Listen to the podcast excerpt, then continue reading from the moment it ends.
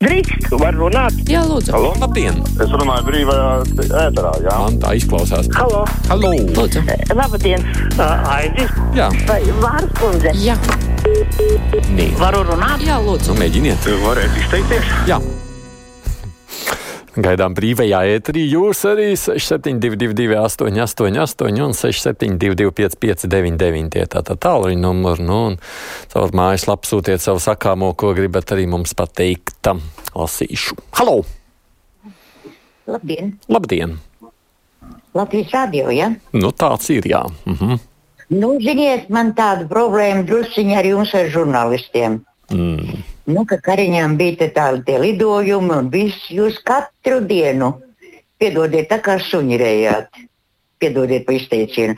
Tagad, kad Šlesers izdomāja referendumus par miljoniem eiro, un nekas nav, nekāda iznākuma nav, un tagad vēl aizbrauc uz Ķīnu ar saviem tiem, nezinu, dombiedriem, sektantiem. Tad jūs vispār tā kā ūdeni mutē esat ieņēmuši. Jūs tik tiešām tik šausmīgi baidāties no tā šlesera.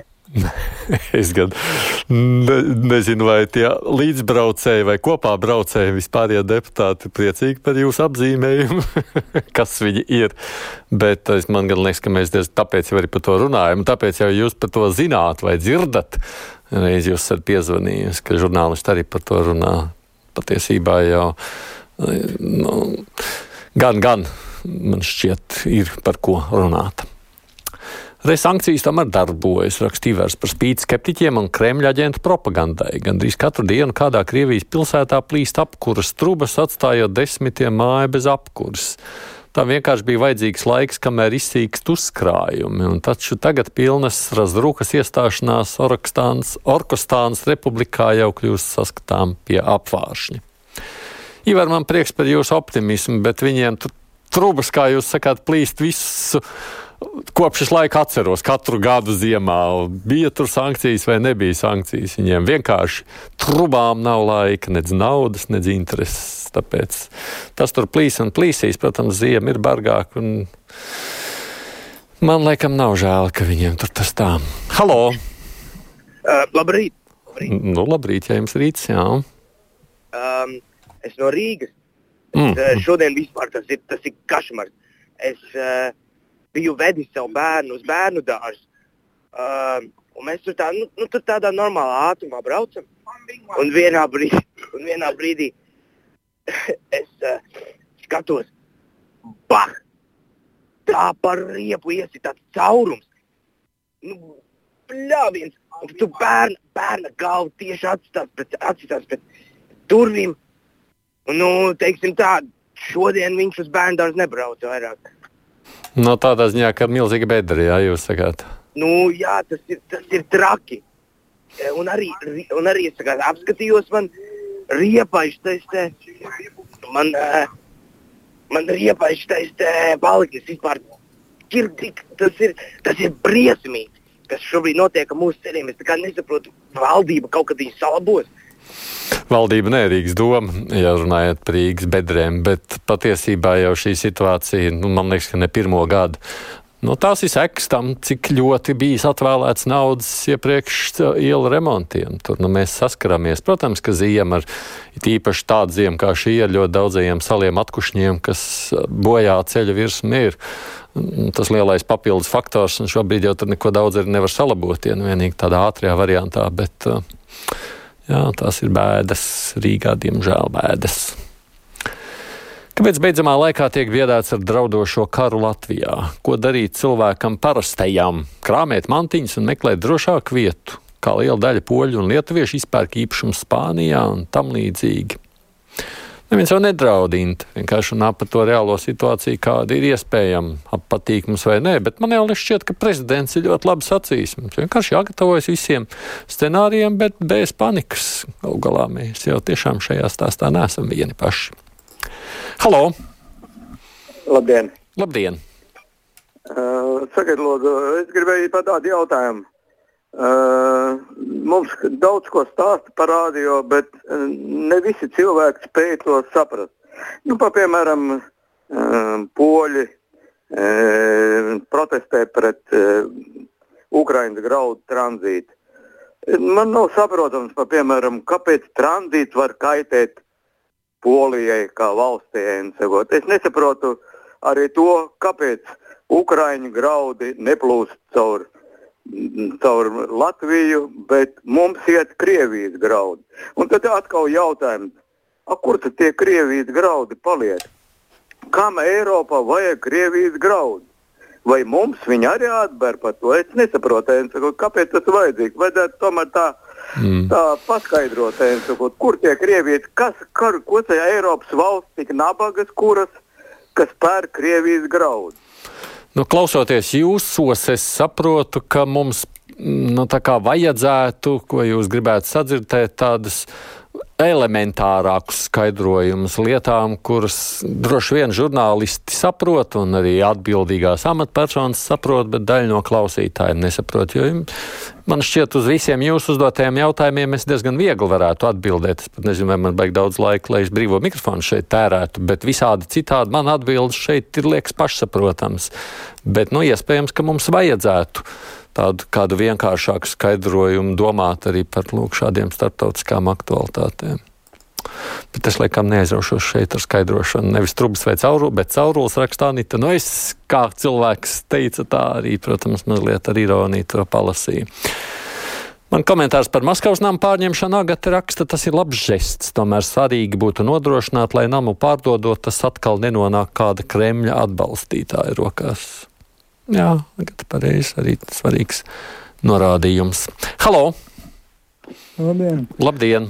Nu, es varbūt par graudiem, bet nu, nevis par to, kur viņi paliek. Tas ir skaidrs. Jā. Bet nu, pa vakardienas dzirdēju Digis Šmits, un viņa fans, ne atbalstītājs, ne apvienotājs saraksti, bet nu, viņa vārdiem atliek tik piekrist par to, ka nu, tas ir noziedzīgi, ko, ko Latvija ar šo eksportēšanu, importēšanu dara. Uh, Jo nu, šobrīd nu, ne, ir kara apstākļi, nu, ir, ir, kā tas ir jau daudzreiz teikts, ka ir jābūt kāda pusē, Krievijas vai Ukrainas.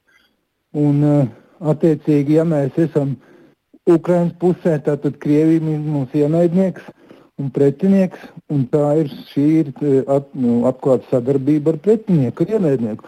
Atklāts kolaboracionisms, var teikt. Un, uh, nu, par to būtu, man liekas, jāsoda.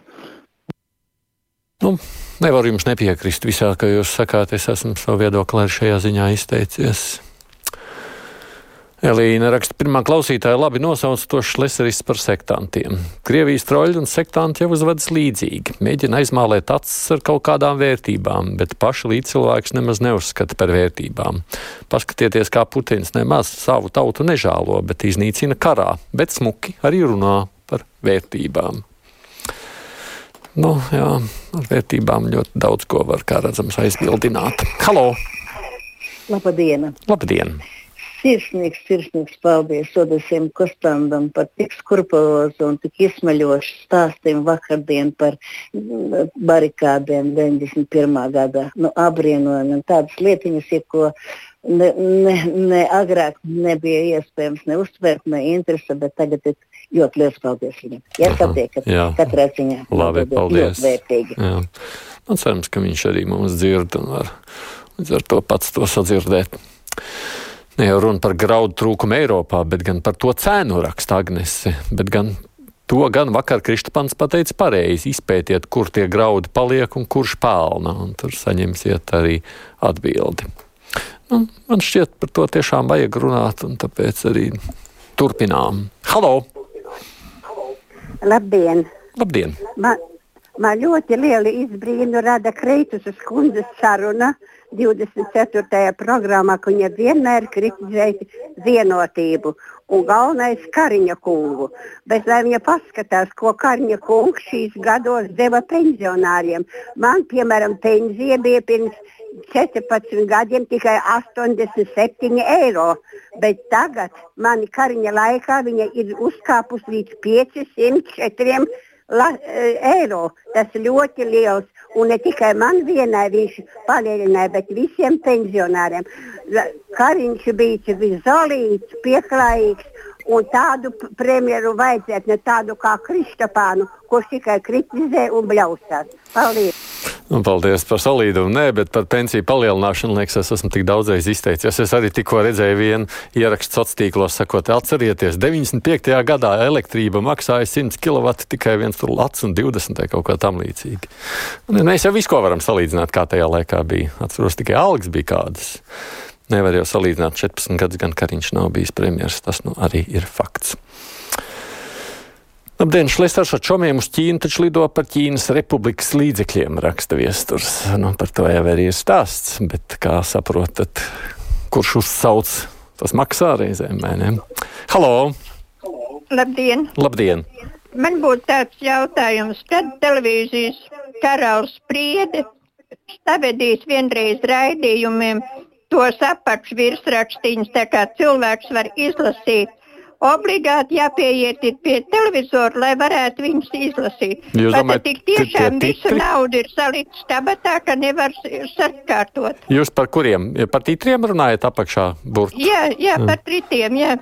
Nu, titri nekad nebūs tik liela. Titri jau patiesībā lielā mērā ir orientēti uz vaidzirdīgiem cilvēkiem. Nu, Tas ir tāds lielais mērķis, kurš šajā brīdī uh, tad arī var uh, to lietot. Un tur, ja, nu, protams, titri nekad neaizsegs pusi ekrāna. Tas tā arī ir. Nu, ja runājam par nu, tādu panorāmu vai citiem medijiem, kur vienkārši tās ir skrejošās ziņas, arī tur ir cita doma. Izraēla mazāk kareiva kara laikā pastrādātajos noziegumos.